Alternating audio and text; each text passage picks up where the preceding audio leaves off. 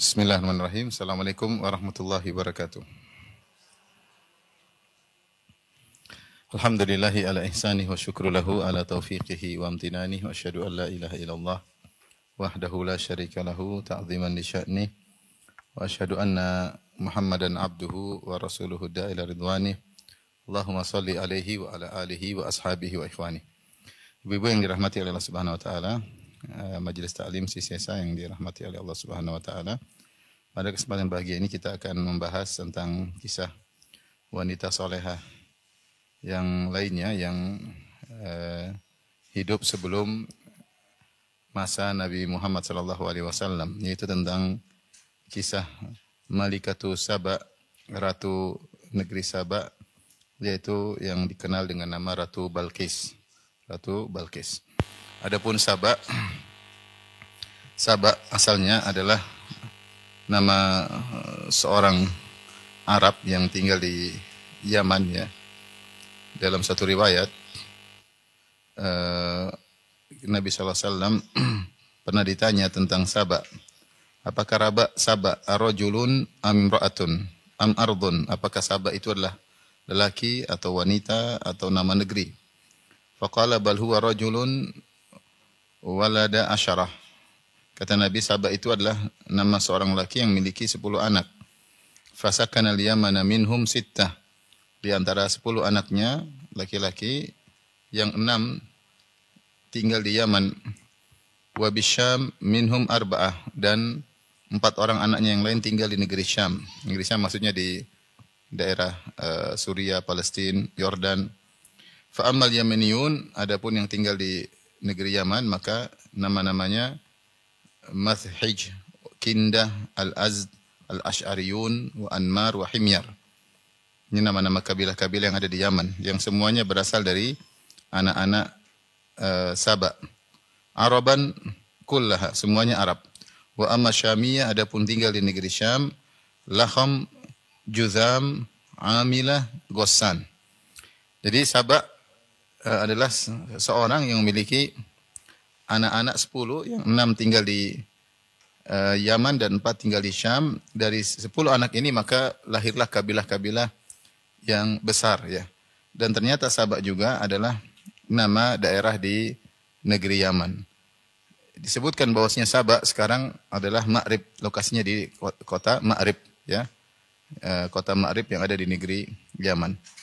Dan di negeri Sabak itulah kisah Ratu Balkis. Adapun kisah Ratu Balkis disebutkan dalam perjanjian lama atau dalam Bible dan juga disebutkan dalam uh, Al-Qur'an ya. Namun dalam Bible disebutkan Ratu Negeri Syaiba, ya, Ratu Negeri Syaiba dan hanya sedikit kisahnya yaitu dia datang dia mendengar tentang Nabi Sulaiman atau Raja Salomo. Kalau istilah mereka lantas dia datang dia membawa hadiah. Lantas dia memberikan hadiah kepada Raja Salomo, kepada Nabi Sulaiman, kemudian Raja Salomo menerima hadiah tersebut, kemudian memberikan hadiah balik kepada Ratu Balkis. Adapun dalam Al-Qur'an ketika anak buah Ratu Balkis memberi hadiah kepada Nabi Sulaiman, Nabi Sulaiman menolaknya. Nabi Sulaiman menolaknya sebagaimana akan kita jelaskan. Tetapi intinya uh, kisah Nabi Sulaiman bersama Ratu Balkis terdapat dalam perjanjian lama dan juga terdapat dalam Al-Quran hanya saja ada perbedaan versi ya. Perbedaannya sangat uh, kontradiktif.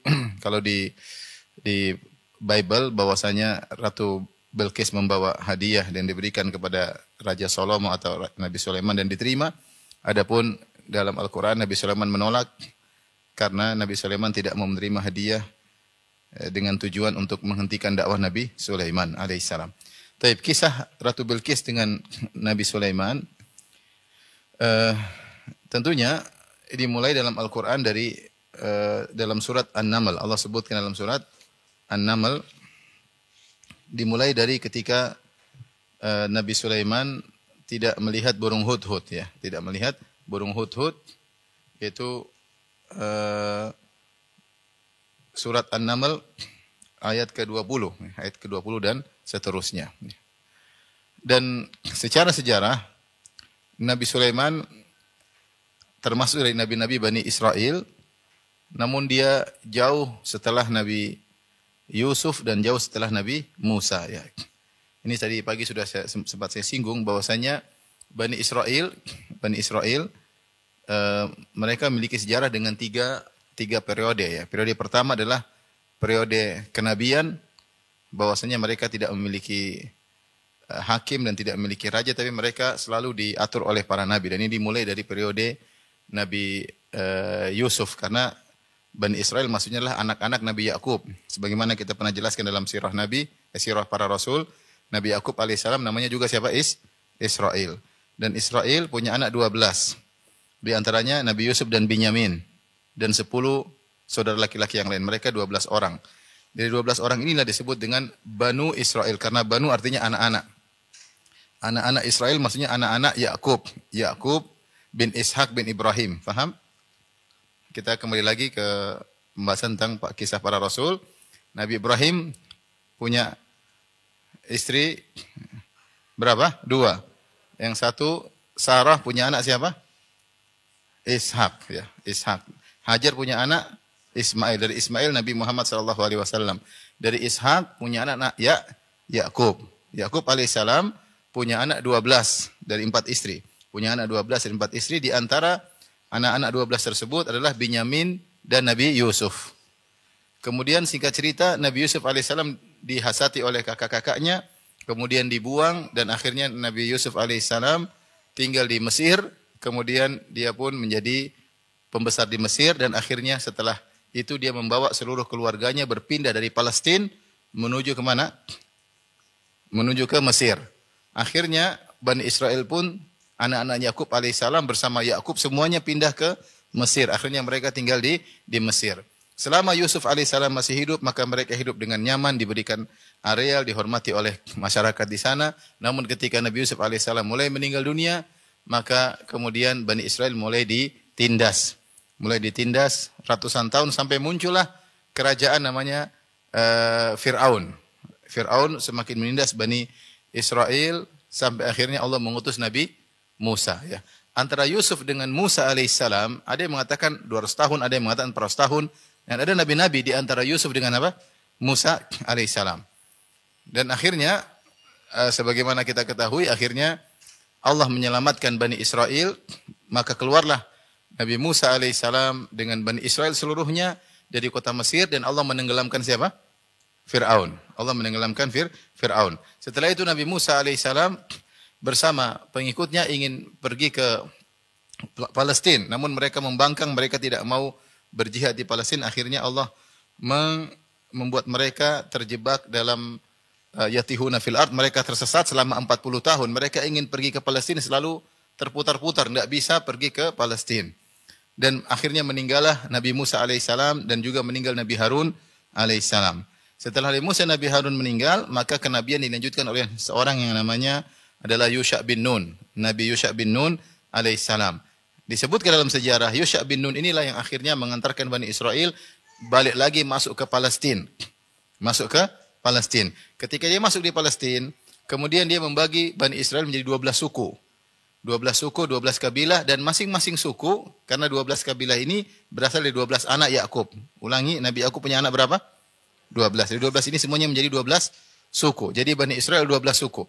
Nah, ketika di zaman eh, Nabi Yusha bin Nun, Yusha bin Nun ini kemudian alaihissalam memberikan setiap kabilah satu hakim. Satu hakim yang setiap hakim ini mengatur kabilahnya masing-masing. Nah, sejak itu mereka masuk pada periode kedua namanya Asrul Qudat, yaitu masa para hakim. Masa para hakim. Sebelumnya nggak ada hakim-hakim, yang sebelumnya adalah para nabi yang mengatur mereka. Kemudian masuklah dalam masa periode para hakim. Kemudian berjalan waktu akhirnya terjadi peperangan antara mereka dengan penduduk Palestina asli sampai akhirnya mereka minta diutus seorang raja. Akhirnya Allah Subhanahu wa taala mengirim raja namanya Raja Talut. Raja Talut. Kemudian Raja Talut inilah punya pasukan di antaranya adalah Daud alaihissalam. Kemudian Daud ini menikah dengan anaknya Raja Talut, kemudian kerajaan dipindahkan kepada Daud alaihissalam, maka Daud alaihissalam adalah seorang nabi dan sekaligus seorang apa? Raja. Nah, kemudian Nabi Daud punya anak siapa? Sulaiman. Nah, dia juga nabi sekaligus apa? Raja. Inilah periode ketiga, periode kerajaan. Periode kerajaan. Tadi pertama periode kenabian, kemudian periode para hakim, kemudian periode para para raja.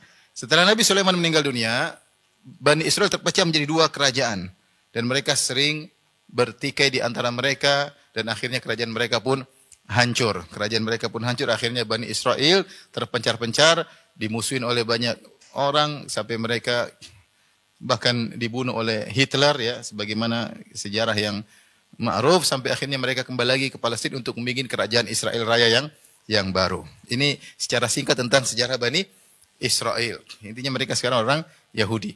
Nah, jadi di sini kita tahu bahwasanya kisah Nabi Sulaiman itu di penghujung kisah Bani Israel. Disebutkan oleh para ahli sejarah bahwasanya Nabi Musa itu kira-kira 14 abad sebelum Masehi. Kira-kira 14 abad sebelum Masehi, yaitu sekitar 1400 tahun sebelum lahirnya Nabi Isa alaihissalam. Dan Nabi Nabi uh, Nabi Sulaiman adalah menjelang kehancuran Bani Israel karena setelah Nabi Sulaiman meninggal dunia terjadi perang apa? Saudara. 12 suku tadi terpecah menjadi dua, menjadi dua kerajaan besar Kemudian saling serang-serangan, ada kerajaan Yahudi, ada kerajaan Israel, dan terjadi perang saudara. Akhirnya dua kerajaan tersebut runtuh. Nah, sini kita tahu bahwasanya kisah Nabi Sulaiman adalah di penghujung uh, kejayaan Bani Israel. Di zaman Nabi Sulaiman inilah Nabi Sulaiman bertemu dengan Ratu Balkis. Ratu Balkis. Ada yang namanya Balkis di sini? Ada, tapi bukan ratu. Belkis nama orang, ada nama restoran, Masya Allah, terkenal Belkis. Taib. Dimulai kisah Ratu Balkis dalam surat An-Naml ayat 20, Allah berfirman, "Wa tafaqqada at-tayra faqala ma li la ara al-hudhuda am kan minal ghaibin." Kata uh, Nabi Sulaiman ketika mengumpulkan pasukannya, kita tahu Nabi Sulaiman alaihissalam punya pasukan yang banyak, baik dari kalangan jin, dari kalangan manusia, dari kalangan hewan-hewan, di antaranya dari kalangan burung-burung. Tiba-tiba Nabi Sulaiman ngecek kok burung hutu tidak ada. Para ulama berselisih atau beberapa pendapat, tiga pendapat. Kenapa Nabi Sulaiman ngecek burung hut-hut kok tidak ada? Dia mengatakan, Malila aral hudu huda amkana minal gaibin. Saya kok tidak lihat burung hut-hut? Apakah tidak kelihatan dia ada tapi saya tidak lihat?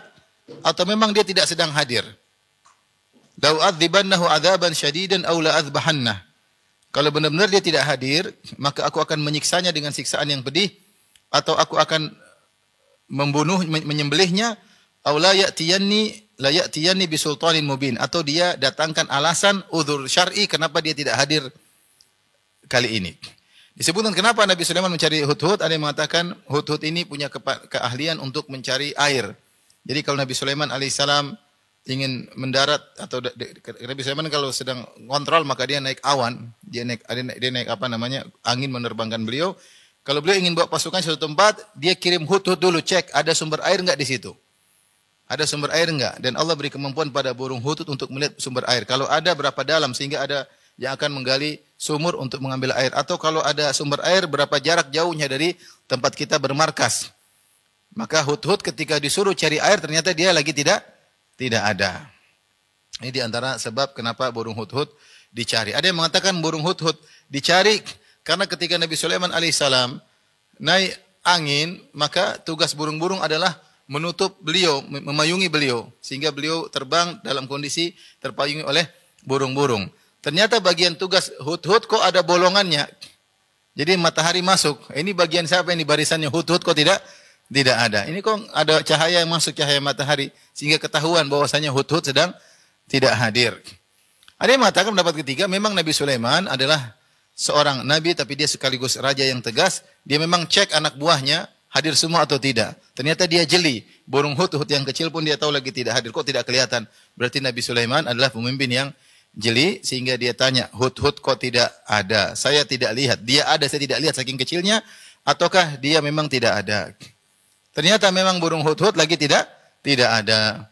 Maka Nabi Sulaiman dengan tegasnya mengatakan, "Lau adzibannahu adzaban syadida." Kalau dia tidak datang dan dia tidak hadir dan tidak punya alasan, saya akan siksa dia dengan siksa yang pedih.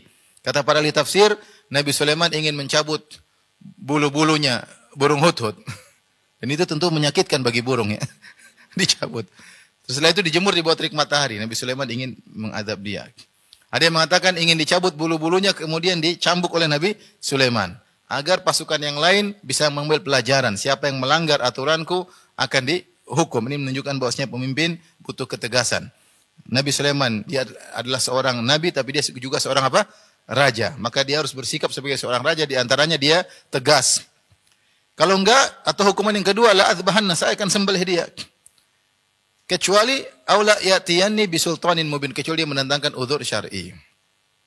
Tiba-tiba fama ghayra ba'idin tiba-tiba enggak berapa lama datanglah burung hudhud. Kemudian burung hudhud berkata langsung berkata kepada Nabi Sulaiman, faqala ahattu bima lam tuhitu bih waji'tuka min saba'in binaba'in yaqin. Wahai Sulaiman, aku datang dari negeri Sabah dan aku punya berita yang kau tidak punya, kau tidak tahu sama sama sekali, yaitu berita tentang negeri negeri Sabak. Kemudian Hutut mulai bercerita. Perhatikan di sini, burung Hutut ketika datang, dia langsung kasih laporan. Ya. Wahai Raja, wahai Sulaiman, saya punya ilmu, kenapa saya terlambat? Karena saya datang dari negeri Sabak. Dan saya punya berita penting yang kau tidak tahu tentang berita tersebut, tetapi kau perlu tahu. Dan ini penting bagimu. Kenapa? Karena burung Hutut mendapati ternyata negeri Sabak penghuninya menyembah matahari. Dan burung hut-hut tahu Nabi Sulaiman adalah nabi yang pen, yang perhatian sama tauhid dan benci terhadap apa? kesyirikan.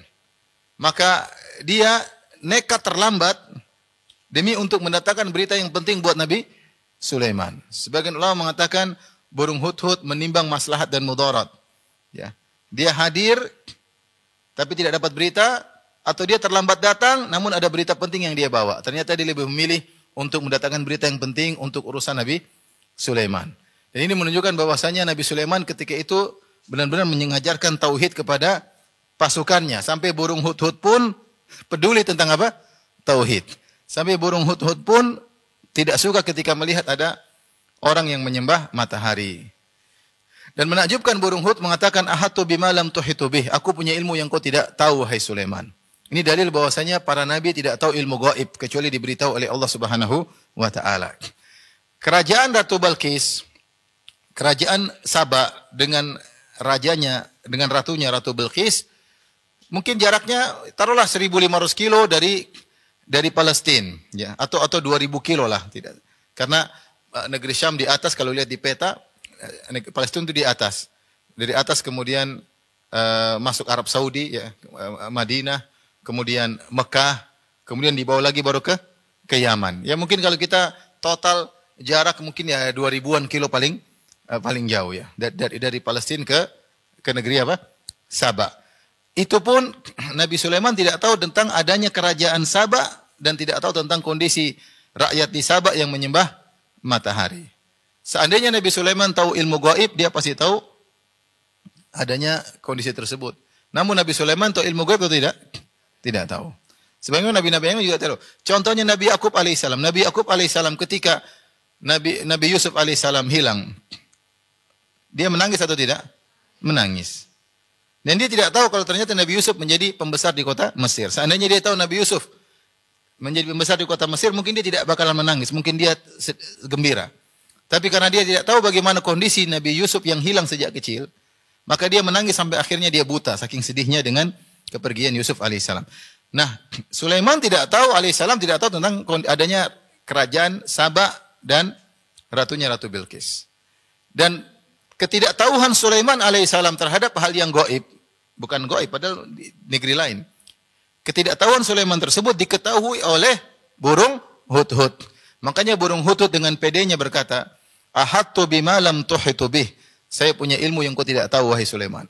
Subhanallah, sudah datang terlambat ngomong begitu. Saya punya ilmu yang kau tidak tidak tahu. Wajituka min saba'in binaba'in yakin. Aku telah datang di negeri Sabak dengan berita yang penting, berita yang pasti.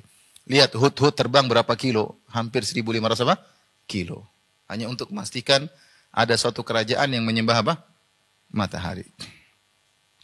Subhanallah, kemudian Hutut mulai bercerita, Inni wajadtu imra'atan tamlikuhum wa utiyat min kulli syai'in wa laha arsyun azim. Aku mendapati di kerajaan Sabah ada seorang wanita yang menjadi ratu mereka. Bukan laki-laki, tapi wanita. Ini suatu hal yang uh, menakjubkan dari kerajaan tersebut. Kepala negaranya adalah seorang wanita. Wa utiyat min kulli. Kemudian dia diberikan segala sesuatu. Artinya kerajaan-kerajaan makmur, kerajaan kaya, bahkan segala keperluan uh, seorang ratu dimiliki. Sebagaimana raja-raja yang punya ini, punya anu, dia juga punya. Di antara juga walaha arsyun azim. Di antara yang menakjubkan dari Ratu Bilqis, dia memiliki singgasana yang yang besar. Jadi rupanya Hud-Hud waktu ke Sabah, dia benar-benar ngecek dulu sebelum beri apa? Informasi. Cek dulu semua, ngecek ini, ngecek kegiatan mereka, baru lapor kepada Nabi Sulaiman. Jadi dia bukan jalan-jalan ya. Dia tidak bilang Sulaiman saya dari Sabah, di sana banyak sungai, di sana banyak pohon. Keburu disembelih sama Sulaiman alaihissalam. Eh, Nabi Sulaiman sibuk, serius, ada ngurus negara, kemudian mau cerita ke mana ke sana kemari, dia datang langsung bawa berita penting. Maka kita juga harus ngerti kalau kita bicara sama ada orang sibuk, orang penting, kita langsung to the point, jangan ngalur ngidul ya. Ngalur ngidul, wetan, apa? Ngulon, jangan ya. Ngalur ngidul, wetan, ngulon, jangan ya. Jadi serius, hut-hut serius ya. Disebutkan ciri-ciri, dia mengumpulkan ciri-ciri yang penting tentang kerajaan tersebut sebagai maklumat bagi Sulaiman karena Sulaiman akan mengambil keputusan menghadapi kerajaan ini. Maka dia kumpulkan maklumat, data yang penting untuk Nabi Sulaiman. Dia tidak cerita kerajaan ini begini, enggak. Dia, yang penting buat Sulaiman apa tentang raja ini. Yang jelas mereka pimpinnya seorang perempuan. Perempuan ini enggak sembarangan, dia memiliki segala kekayaan. Di antaranya dia memiliki apa? Sehingga sana yang besar. Yang penting lagi, ini semua mukadimah. Yang penting lagi, wajadtuha wa qaumaha yasjuduna lisyamsi min dunillah. Aku mendapati sang ratu dan rakyatnya sujud kepada matahari. Disebutkan Ratu Belkis, dia punya Ratu Belkis punya kamar dan di kamar tersebut ada kuah. Kuah itu semacam bolongan.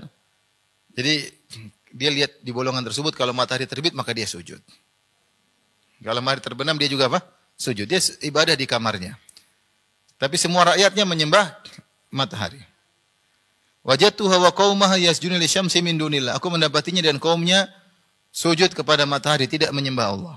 Wa zayyana lahum syaitanu a'malahum fasaddahum 'anis sabil fahum la yahtadun. Kata Nabi kata burung hudhud, sungguhnya syaitan telah menghiasi mereka perbuatan mereka.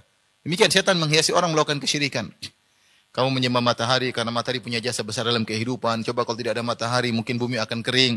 Dengan ada matahari, maka tumbuh-tumbuhan bisa mekar. Dengan matahari kita bisa melihat banyak hal. Setan menghiasi seakan-akan matahari berhak untuk disembah karena manfaatnya yang begitu begitu banyak. Bukankah matahari adalah tinggi, tempatnya jauh. Intinya setan menghiasi sehingga orang menyembah mata matahari. Demikianlah kesyirikan-kesyirikan yang ada. Ada orang menyembah berhala, ada orang menyembah sapi, ada orang menyembah monyet. Semuanya ada ada dihiasi oleh uh, syaitan.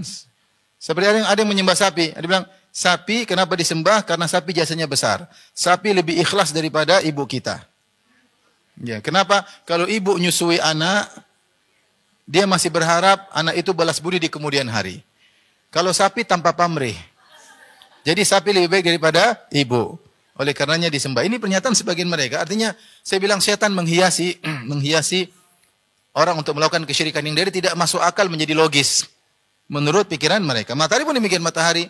Sumber kehidupan matahari menyinari bisa membuat kita melihat, menumbuhkan tumbuhan, memberi kehangatan dan macam-macam. Akhirnya mata disembah kata kata Hud-Hud wa zayyana lahumu syaitanu a'malahum.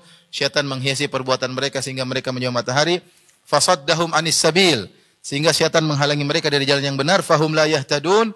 Dan mereka tidak mendapat hidayah Ala yasjudu lillahi alladhi yukhrijul khaba'a fis samawati wal ard. Kata burung hudhud. Tidakkah mereka sujud kepada Allah? Kok sujud kepada matahari?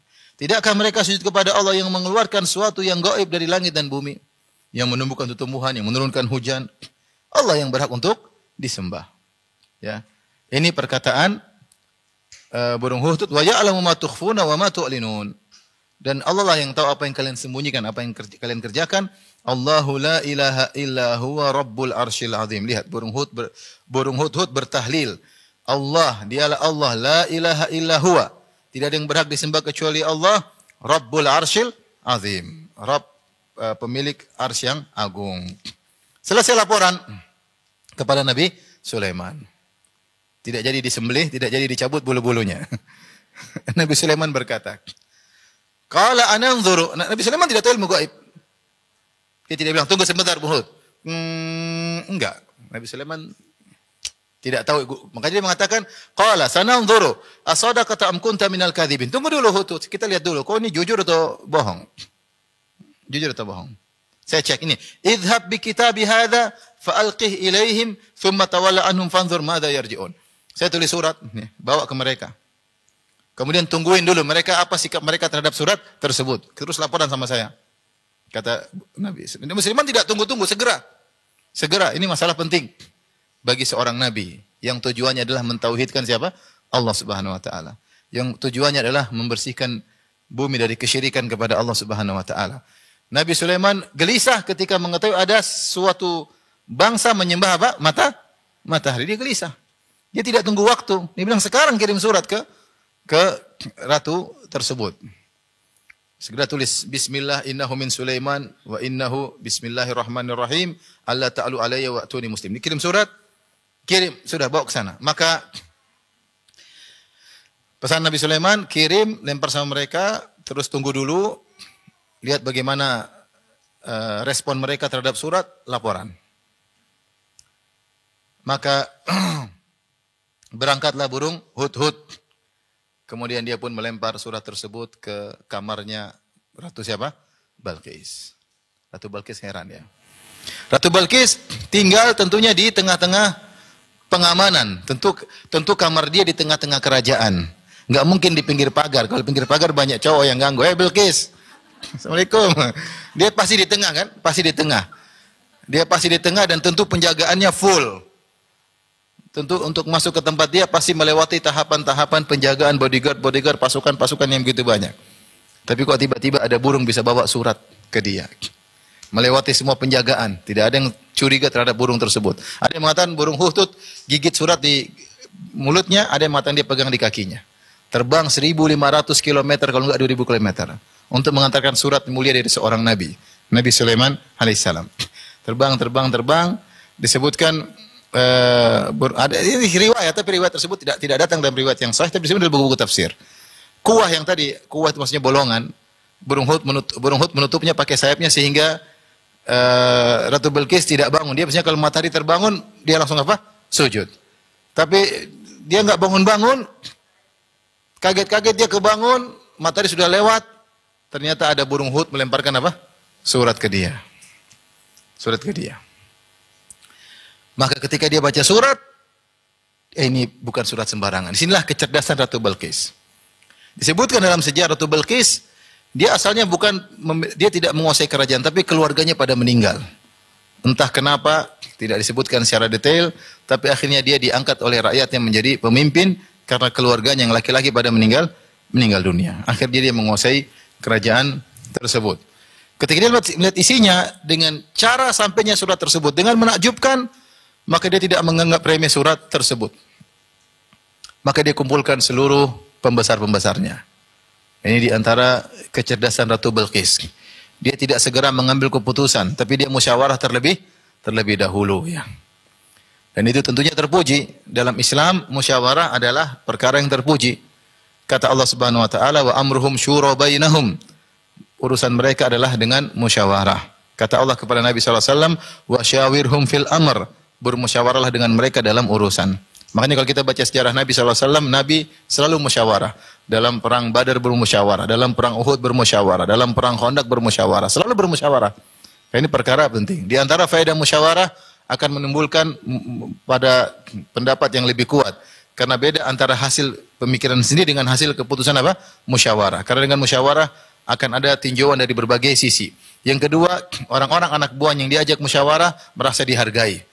Merasa dihargai sehingga mereka akan semakin loyal karena mereka dianggap pendapat mereka di, didengar. Dan ini salah satu strategi tentunya uh, bagi seorang pemimpin. Maka Ratu Bilqis tidak seperti perempuan-perempuan lain, ya, seperti ibu-ibu dan yang lainnya, yang langsung mengambil keputusan tanpa mikir-mikir. Karena ibu-ibu biasanya emosionalnya lebih dahulu daripada nalarnya.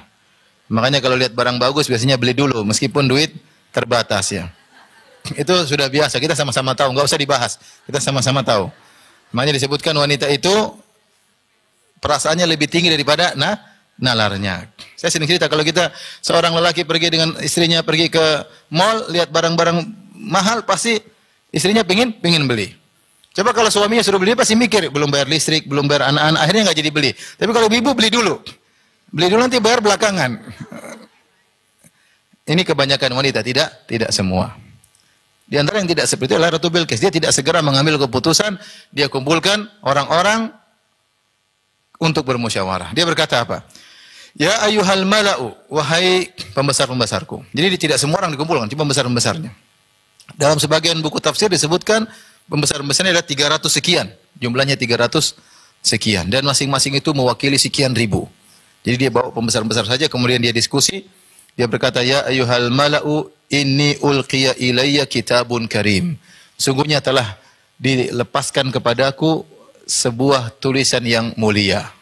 Dia langsung mensifati surat Nabi Sulaiman dengan surat yang mu mulia. Ya. Padahal isinya ancaman. Isinya ancaman. Namun dia tetap mengatakan surat yang mulia karena ini tidak sembarang datangnya. Bagaimana surat tersebut melewati sekian algojonya, sekian bodyguardnya, sekian pasukannya tiba-tiba masuk ke ke dia. Bagaimana seekor burung bisa mengantarkan surat? Ini tidak mungkin pemilik burung ini kecuali raja yang sangat he hebat. Ini gimana? Burungnya nggak salah kirim. Burungnya nggak salah, salah kirim ya. Nggak salah lewat, nggak salah jalan. Gimana? Bayangkan dari Palestina ke Sabah saya sekitar 2000 kilo, 1500 lebih kilo. Melihat di peta mungkin jauh. Mau lihat sebentar, bisa lihat juga ya. Ya, coba saya lihat. Saya juga penasaran ya. Coba ibu tulis itu, Palestina sampai Ma'rib, coba. Di Google. Hah? Palestina. Iya, di, di, di apa? Di Ma'rib.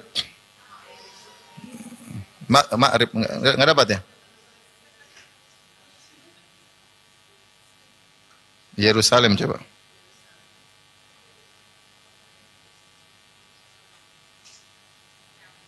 Ini jalan MT Yerusalem jalan MT Haryono, bukan? nanti dicari, nanti dicari. Itu Yerusalem di sini, salah. Nanti cari ya. Saya saya ingin tahu berapa kilo ya. Tadi Yerusalem jalan MT Haryono, berarti salah. Tapi intinya ini tidak mungkin memiliki burung ini kecuali orang yang hebat. Gimana burung ini nggak nggak salah jalan ya? Tidak pakai GPS, tidak pakai sampai dari Palestina sampai ke, ke dari Yerusalem dari Palestina sampai ke mana? Ke Sabak ke Ma'rib. Ya. Makanya dia mengatakan in ulqiya ilayya kitabun karim. Sungguhnya telah dilepaskan dikirimkan kepadaku sebuah surat yang mulia. Kemudian dia bacakan isinya. Innahu min Sulaiman wa innahu bismillahirrahmanirrahim dari Sulaiman. Dan sungguhnya Bismillahirrahmanirrahim atas dengan menyebut nama Allah yang Maha Pengasih lagi Maha Penyayang. Allah ta'lu alayya wa'tuni muslimin. Jangan sombong ke, kepada aku, jangan merasa tinggi di atasku. Datanglah menyerahkan diri. Atau datanglah dengan masuk Islam.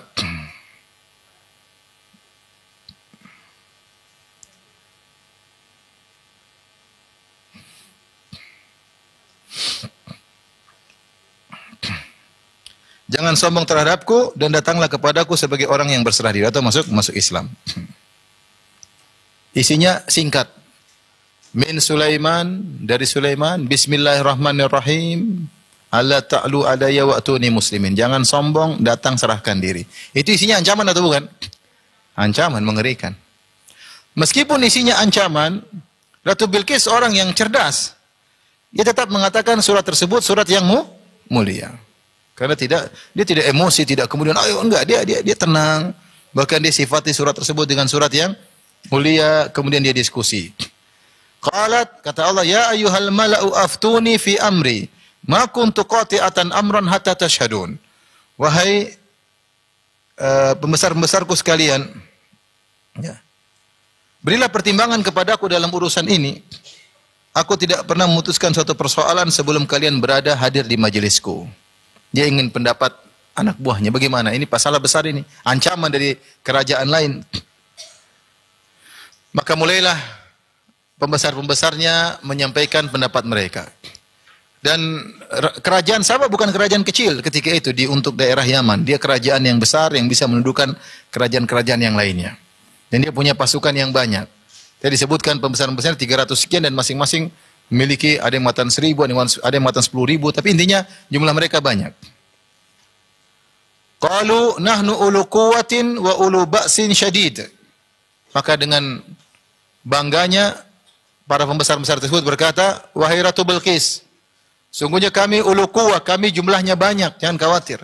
Wa ulu ba'sin dan kami punya persenjataan yang kuat." Para sebenarnya menafsirkan ulu kuwah maksudnya jumlah kami banyak, ulu ba'sin persenjataan yang hebat. Maka terkumpul pada kita dua sebab kemenangan. Jumlah pasukan yang banyak dan jumlah persenjataan yang hebat. Ulu kuwatin wa ulu ba'sin syadid. Wal amru ilaiki fanzuri madza ta'murin. Tapi keputusan di tangan Anda wahai ratu kami. Fanzuri madza ta'murin. Silakan kau lihat apa yang kau perintahkan kami akan jalankan. Intinya diskusi Ratu Bilqis dengan pembesar-pembesarnya. Tapi rupanya Ratu Bilqis meskipun anak buahnya bilang kita kuat kesenjata tapi dia mikir panjang. Mikir panjang. Ini karena Sulaiman mungkin dia juga dengar wallahu alam. Tapi ini burung menakjubkan ya. Dan dia tidak ingin spekulasi dengan rakyatnya. Maka dia sampaikan pendapat dia kepada para pembesar-pembesar. Dia berkata, Qalat innal muluka idza dakhalu qaryatan afsaduha wa ja'alu a'izzata ahliha adillah. Wa kadzalika yaf'alun. Ketahuilah rakyatku para pembesar-pembesarku. Sungguhnya para raja kalau sudah menyerang kerajaan lain maka dia akan rusak kerajaan tersebut. Dan orang-orang yang tadinya mulia akan jadi hina oleh olehnya. Kata Allah wa kadzalika yaf'alun. Dan demikianlah Sulaiman akan melakukannya jika kalian tidak tidak tunduk. Dia dia kesampaikan ini bukan mas, ini bukan sembarang. Ini yang kita yang kita mau adalah siapa? Sulaiman. Dan kalau dia menyerang, kita akan rusak semua negeri kita akan hancur. Kemudian kita yang mulia ini akan jadi hina. Tetapi saya punya ide. Kita lihat dulu. Ini cerdasnya Ratu Bilqis yang berikutnya. Ya. Wa ini mursilatun ilaihim bihadiyatin fanadhiratun bima yarji'ul mursalun. Saya ingin kirim hadiah kepada mereka, kepada Sulaiman. Kemudian saya tunggu kira-kira respon mereka terhadap hadiah bagaimana. Kata Qatada bin Da'am As-Sadusi seorang tabi'in tentang Ratu Bilqis ma aqalaha Betapa cerdas Ratu Bilqis fi islamiha wa fi syirkiha. Ketika masih musyrik dia cerdas, ketika Islam dia cerdas. Di antara kecerdasannya ketika musyrik dia tidak langsung mengambil keputusan, dia bilang saya kirim surat dulu akan mengirim hadiah kepada Nabi Sulaiman. Wa ini mursilatun ilaihim bihadiyah. Saya akan kirim hadiah kepada Sulaiman. Saya lihat bagaimana responnya terhadap hadiah. Ahli tafsir mengatakan, Ratu Bilqis berkata, seandainya Sulaiman tamak dengan hadiah, berarti dia bukan nabi, dia hanyalah raja seperti raja yang lainnya, kita perang. Tapi kalau dia memang serius dengan dakwahnya agar kita masuk Islam, tentu dia tidak tamak dengan apa? Hadiah. Tentu dia tidak tamak dengan hadiah. Ini logika luar biasa yang mungkin tidak dipikirkan oleh banyak laki-laki. Tapi Ratul Bilqis memiliki kecerdasan luar biasa, makanya jadi Qatada bin Da'am Sadusi rahimahullah berkata, "Ma'aqalaha betapa cerdas Ratu Bilqis ketika masih musyrik dan ketika sudah masuk Islam. Akhirnya dia bilang kita kirim hadiah dulu. Kita jangan ambil keputusan, jangan tergesa-gesa ya. Dan ini menakjubkan ya, jarang wanita seperti ini. Biasanya apa? Tergesa-gesa ya. Suaminya tugasnya ngerem-ngerem apa? Uh, wanita tapi wanitanya giginya gigi lima, susah direm. tapi intinya, intinya akhirnya dia bilang sabar dulu. Maka dia pun mengirim hadiah yang luar biasa. Ada khilaf di kalangan para ahli tafsir, apa hadiah yang dikirimkan oleh Ratu Bilqis kepada Sulaiman. Ada yang mengatakan dia kirim bata-bata dari emas. Bata untuk bangun apa? Dari emas, bata-bata emas. Ada yang mengatakan dia kirim piring piring-piring, apa namanya, gelas-gelas, piala-piala dari dari emas. Intinya dikirim hadiah yang banyak. Melihat respon Nabi Sulaiman, apakah dia ambil? Kalau dia ambil, kita perang. Pasukan kita tidak kalah banyak dengan pasukan apa? Sulaiman. Maka berangkatlah anak buahnya yang banyak membawa hadiah-hadiah tersebut dipikul dari negeri Sabak di Ma'rib sampai ke Palestina. Akhirnya tibalah utusan Ratu Bilqis. Kata Allah Subhanahu wa taala, "Falamma jaa Sulaimana qala atumiddunani bimalin fama atani Allahu khairun mimma atakum bal antum bihadiyakum tafrahun." Kata tatkala datang utusan tersebut kepada Sulaiman alaihissalam dengan bawa harta yang banyak. Sulaiman marah, Nabi Sulaiman marah.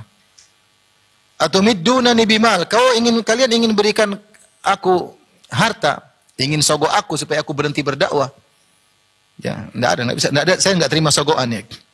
Wa ma atani Allah khairun mimma atakum. Apa yang Allah berikan kepadaku lebih baik daripada harta kalian ini. Ya. Kalian sombong dengan harta kalian. Sulaiman marah alaihissalam. Kemudian kata Nabi Sulaiman, "Irji ilaihim." Pulang gua, pulang. Saya tidak terima. Bawa pulang itu semua hadiah. Fala na'tiyannahum bijunudin la qibala lahum biha. Kami akan utus pasukan yang mereka tidak bisa lawan. Wala nukhrijannahum minha adhilla wa hum saghirun. Kami akan keluarkan mereka dari negeri, negeri mereka dalam kondisi terhina. Sulaiman enggak main-main, enggak ada. Enggak pulang. Sebenarnya boleh menerima apa? Hadiah. Orang kafir kasih hadiah boleh atau tidak? Boleh. Nabi Muhammad SAW beri hadiah oleh uh, apa Muqawqis, Raja Mesir, Nasrani. Dikasih hadiah, termasuk di, dikasih hadiah, Nabi Nabi SAW terima. Dikasih dari wanita Yahudia makanan Rasulullah SAW apa? Terima. Rasulullah SAW menerima hadiah bahkan dari orang orang kafir. Tapi hadiah ini lain. Hadiah ini kenapa tidak diterima oleh Sulaiman? Karena untuk nyo, nyogok. Nyogok supaya dia tidak berdakwah. Sebenarnya tidak berdakwah. Makanya Nabi Sulaiman tidak mau terima. Bukan dia apa dia tidak mau terima karena ini ini sogokan. Maka dia mengatakan irji ilaihim Bawa pulang tuh hadiah. Falanatiyannahum ya bijunudin la qibala lahum biha. Kami akan datangkan pasukan yang mereka tidak bisa lawan. Nabi Sulaiman punya pasukan jin banyak ya. Jin ifrit, jin tomang, jin eh, jin banyak. Banyak jin-jin semua belum hewan-hewan semua tunduk kepada Nabi Sulaiman. Mereka tidak bakalan bisa lawan kata Nabi Sulaiman. Dan ingat kalau kami sudah kirim pasukan ke sana, semuanya akan terusir dari negerinya dan akan dikeluarkan dengan diusir dengan penuh kehinaan. Akhirnya mereka pulang responnya begitu lah. Ini akhirnya sudah Ratu Bilqis segera mengambil keputusan untuk datang ke Nabi Sulaiman. Mau apa lagi? Gak mungkin dilawan. Ternyata Sulaiman bukan raja seperti yang biasanya yang dikasih harta langsung kemudian apa? Uh, tunduk atau berubah pikiran tidak dia benar-benar serius mendakwahkan tauhid tidak menerima ada orang-orang yang menyembah matahari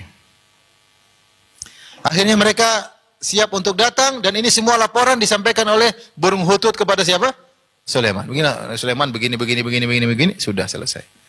Akhirnya Nabi Sulaiman ketika tahu mereka akan datang, Nabi Sulaiman kumpulkan lagi anak buahnya. Nabi Sulaiman berkata, Ya ayuhal mala'u ayyukum ya'tini bi arshiha qabla an ya'tuni muslimin. Wahai anak buahku.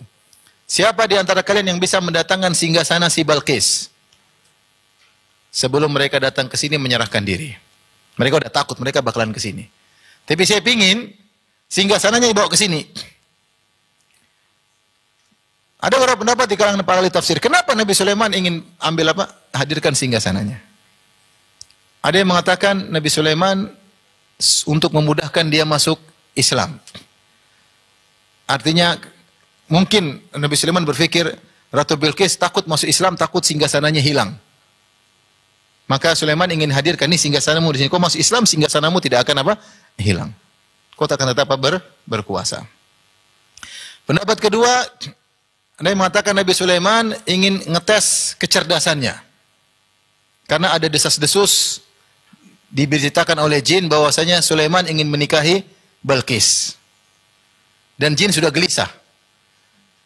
Ini Sulaiman sendiri aja kita sudah susah nggak bisa ngapa-apa. Lagi kalau dia gabung sama ratu Balkis. Kita tahu karena anak buah Nabi Sulaiman banyak jin-jin dan mereka disuruh kerja kalau mereka tidak mau kerja mereka terbakar.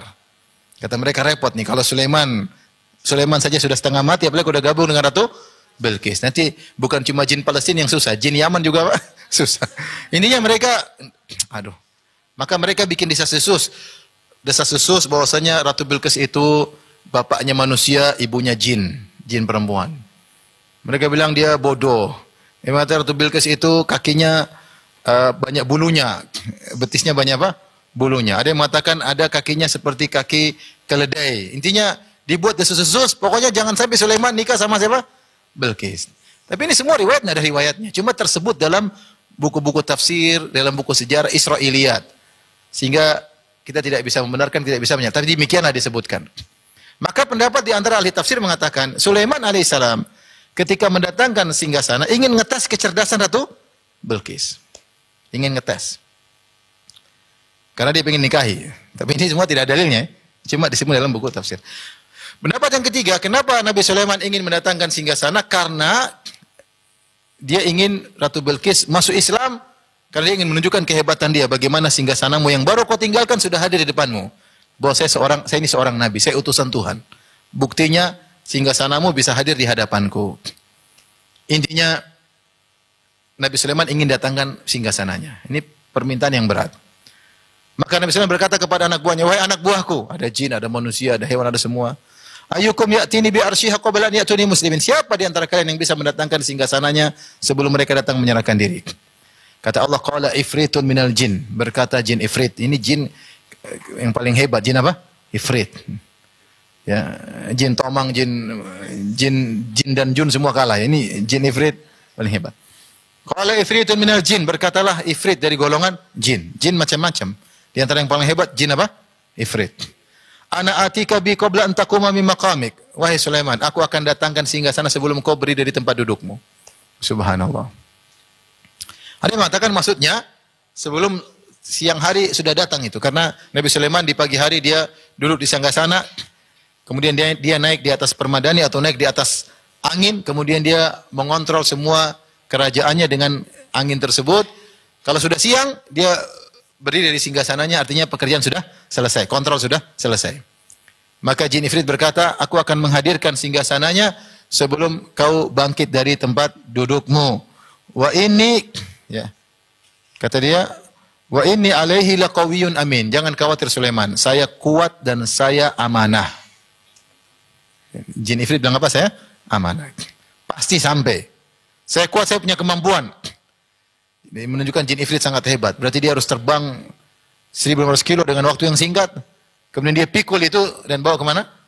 Ke Palestina. Entah bagaimana, intinya dia bisa. Entah dia bawa anak buahnya atau pokoknya dia bisa. Sebelum kau berdiri dari baginda berdiri dari singgah sana, sudah di depan mata. Seakan-akan, para, para ahli tafsir mengatakan seakan-akan Sulaiman ingin lebih cepat. Siapa yang lebih cepat lagi dari dia? Maka kata Allah, wa qala alladhi indahu ilmun minal kitab, ana atika bihi qabla an yartadda ilaika tarfuk. Ada lagi yang berkata, wahai Sulaiman, wahai baginda, aku akan menghadirkan singgah sana sebelum kau menghadapkan matamu. Subhanallah. Lebih cepat lagi. Siapakah orang ini? Ini ada khilaf juga di kalangan para ahli tafsir. Ada yang mengatakan dia seorang yang soleh dari Bani Israel. Ada yang mengatakan ini adalah Jibril alaihissalam. Ada yang mengatakan itu Sulaiman sendiri. Seakan-akan Nabi Sulaiman berkata cuma begitu jin. Saya lebih cepat daripada kamu. Sebelum kau kedipkan matamu sudah di depan sini. Jadi ada khilaf. Ada yang mengatakan ini Jibril, ada yang mengatakan orang soleh. Orang soleh tersebut berdoa, kemudian tiba-tiba hadir Allah kabulkan dengan cara Allah. Dia husnudzon sama Allah, dia tahu doanya dikabulkan. Dia berdoa sekejap langsung sudah datang. Ada yang mengatakan Sulaiman sendiri. Ya, Sulaiman sendiri. Dan Sulaiman merendahkan jin Ifrit. Eh, Ifrit kau cuma bisa segitu. Enggak bisa apa-apa, saya lebih cepat. Karena minta kepada siapa? Allah. Allah punya cara untuk menghadirkan sebelum saya mengedipkan mata sudah ada di depan di depan saya. Dan kemudian tiba-tiba uh, singgah sana tersebut hadir di hadapan Sulaiman. Tiba-tiba muncul zing. Falamma ra'ahu mustaqirran indahu. Qala hadha min fadli rabbi liyabluwani aashkuru am akfur. Ketika singgah sana tersebut di hadapan Sulaiman, maka Sulaiman berkata, inilah karunia dari Allah kepadaku. Ini semakin menguatkan Sulaiman yang mendatangkan. Ya, makanya dia bilang, "Hadza min fadli Rabbi." Ini adalah karunia Allah kepadaku. Liyabluwani agar Allah mengujiku. Aashkuru am akfur? Saya bersyukur kepada Allah atau saya kufur. Nabi Sulaiman tahu setiap kenikmatan yang dia rasakan semuanya ujian. Membuat dia semakin dekat kepada Allah atau membuat dia semakin jauh dari Allah. Inilah pembedaan, pembeda yang sangat tegas antara seorang hamba dicintai oleh Allah ketika diberi nikmat atau istidraj dari Allah Subhanahu wa taala. Kalau nikmat yang kita miliki semakin mendekatkan kita kepada Allah, itu berarti Allah mencintai kita. Tapi kalau nikmat yang kita miliki semakin buat kita jauh dari Allah, berleha-leha, lupa baca Quran, lupa sholat malam, ah, ini istidraj. Maka seorang waspada. Sulaiman berkata, Hada min fadli Rabbi, ini karunia Allah kepadaku, liyabluwani untuk mengujiku, ashkuru am akfur. Apakah saya bersyukur dengan semakin banyak beribadah kepadanya ataukah aku kufur? Wa man kafara fa inna rabbi ghaniyun karim. Siapa wa man syakara fa inna ma yashkuru nafsi, siapa yang bersyukur bukan untuk Allah, untuk dirinya sendiri. Kalau kita bersyukur kita beribadah, emang Allah butuh syukur kita enggak butuh untuk kita sendiri. Wa man kafara siapa yang kufur Allah tidak butuh dengan dengan dia. Kemudian Sulaiman karena ingin menguji, kata Nabi Sulaiman, "Nanzur atahtadi am takunu minal ladzina la yahtadun." Kita ingin lihat dia ngerti atau tidak. Ini semakin menguatkan pendapat bahwasanya Sulaiman alaihissalam ingin mengetes kecerdasan siapa? Ratu Bilqis. Karena kalau dia ingin nikahi nggak mungkin nikah sama perempuan bahlul. Dia ingin eh, cerdasnya kalau cerdas bisa diajak ngobrol, bisa nyambung. Kalau nggak nggak nggak cerdas susah diajak ngobrol. Kita ngomong A dia ngomong B. Kita ngomong ngalor dia ngomong ngidul. Kita ngetan dia ngulon. Saya susah. Ini pendapat, sebagian pendapat. Nanzur atah tadi am takunu minal ladina la yahtadun. Kita cek dia ngerti atau tidak. Akhir Ratu Bilqis pun datang. Ratu yang cerdas, yang tidak tergesa-gesa, yang mengerti melihat kondisi, Luar biasa. Faja falamma ja'at qila ahakadha arsyuk. Tatkala Bilqis datang, Sulaiman bertanya, "Apakah seperti ini singgasanamu?" Lihat Ratu Bilqis jawabnya gimana.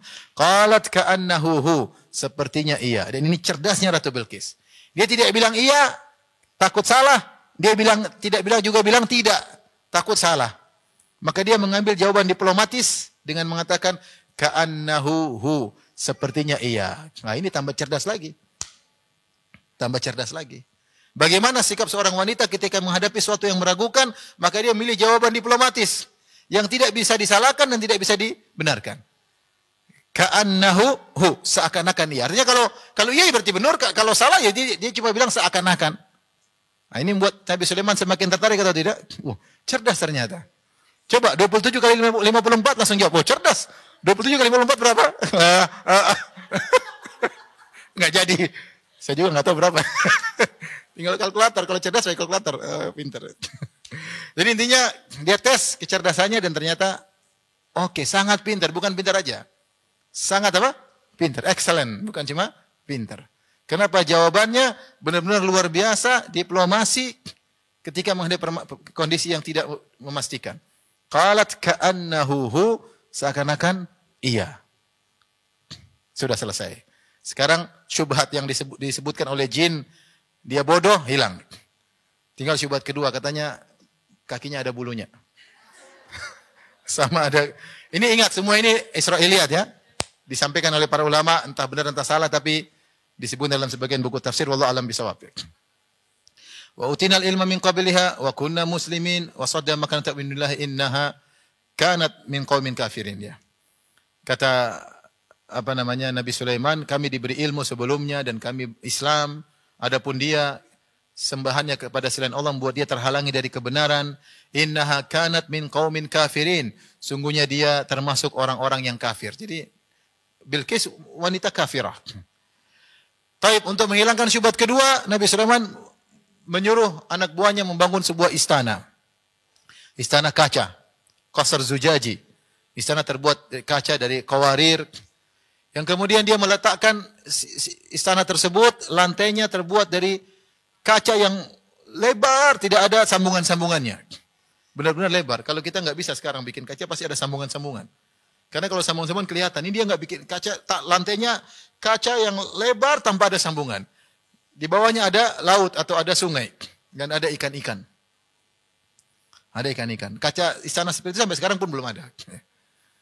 Kemudian Nabi Sulaiman berkata, ini ini singgah sana sepertinya iya.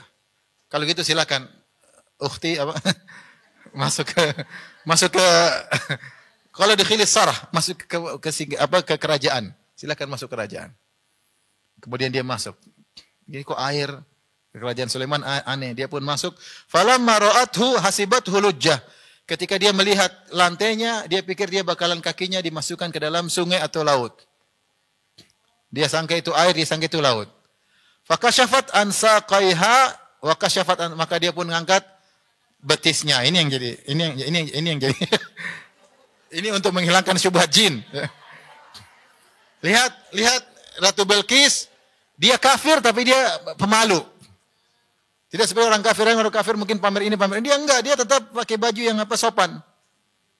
Sampai betisnya pun tidak kelihatan. Jin-jin bikin macam-macam Nabi Sulaiman penasaran. Ini ini sebagian pendapat ahli tafsir. Wallahu alam kita nggak tahu ya, tapi boleh-boleh saja seorang ingin Nabi saja kalau ingin menikah Nabi suruh cek dulu atau tidak. Nabi pernah kirim Ummu Sulaim, ada seorang wanita yang Nabi nikahi, Nabi mengatakan, "Unzuri ila urkubaiha wa syumi awaridhaha." Wahai Ummu Sulaim, saya ingin menikah dengan wanita tersebut. Saya enggak sempat melihat, kau cek. Lihat urkub itu uh, kaki di apa daging di kaki. Kalau kalau tumit ada apa? Dagingnya di sini. Tumit, lihat daging, lihat tumitnya, Kemudian cium bau mulutnya. Nabi cek, jangan-jangan cantik tapi beraroma kan. Artinya seandainya Nabi Sulaiman ingin ngecek, boleh-boleh saja. Tapi ini semua tidak bisa kita katakan begitu karena tidak ada dalil dalilnya. Ini hanya sekedar saya sampaikan kisah yang disebut dalam buku tafsir. Pendapat sebagian pendapat ulama. Maka Ratu Belkis meskipun dia kafir tapi dia punya malu dia pakai rok yang tertutup betisnya ketika dia mau melangkahkan kaki dia lihat sungai tapi dia nggak enak sama Sulaiman. Dia nggak enak gimana lagi. Akhirnya dia ngangkat apa? Betisnya. Ternyata betisnya betis yang terindah. Ya. Uh, ya, seperti begitu ceritanya. Qala innahu sarhun mumarradun min qawarir. Sulaiman kasih tahu, "Hai Bilqis, itu adalah kaca yang ter, apa uh, istana dan lantai yang terbuat dari apa? Kaca. Akhirnya Bilqis pun masuk Islam. Qalat rabbi inni tu nafsi. Ya Allah sungguh aku telah menzalimi apa? Diriku. Disebutkan dia seudon sama Sulaiman. Kenapa saya disuruh masuk ke laut? Saya mau dibunuh kayak apa? Dia seudon sama Sulaiman. Maka dia siap-siap ya. Tapi dia nggak bisa apa-apa lagi, mau ke mana lagi? Eh, masuk. Suruh lewat sungai, lewat laut. Bagaimana ratu suruh lewat apa? Sungai. Masih seudon sama Sulaiman. Tapi dia tahu dia salah ternyata. Ternyata Sulaiman menunjukkan kehebatannya. Qalat Rabbi ini tu nafsi. Aku telah mendolimi diriku. Aku telah berdosa selama ini. Telah kafir menyembah matahari. Telah menyembah matahari bersama rakyatku. Ya. Suudhan sama Sulaiman. Kemudian dia berkata, Wa aslamtu ma'a Sulaiman lillahi rabbil alamin. Dan aku masuk Islam bersama Sulaiman untuk siapa? Allah subhanahu wa ta'ala. Selesai cerita. Apakah kemudian Sulaiman menikahi Ratu Bilqis atau tidak? Wallahu a'lam, sebagian berpendapat demikian. Sebagian mengatakan tidak bisa kita tetapkan karena enggak ada riwayat-riwayat yang sahih ya. Yang jelas kita tidak pernah menghadiri walimahnya. ya. Inilah yang dirahmatillah subhanahu wa Balqis kisah seorang wanita yang cerdas yang dia tunduk kepada Allah Subhanahu wa taala dengan meninggalkan segala kesombongannya. Tidak sebagian kita baru punya duit sedikit sombong sudah malas sholat, malas ibadah, malas baca zikir pagi petang, lupa tidak baca Al-Quran. Bilqis dengan kekayaannya, dengan kecantikannya, dengan segala dia miliki, sudah nyaman di negerinya, dia tunduk kepada Allah Subhanahu wa taala. Demikian saja ibu yang dirahmati Allah Subhanahu wa taala. Semoga ibu sekalian bisa menjadi istri-istri yang soleha, wanita yang soleha, dan semoga Allah mengumpulkan ibu-ibu semua di surga kelak. Amin ya rabbal alamin. Subhanakallah bihamdik asyhadu an la ilaha anta. Assalamualaikum warahmatullahi wabarakatuh.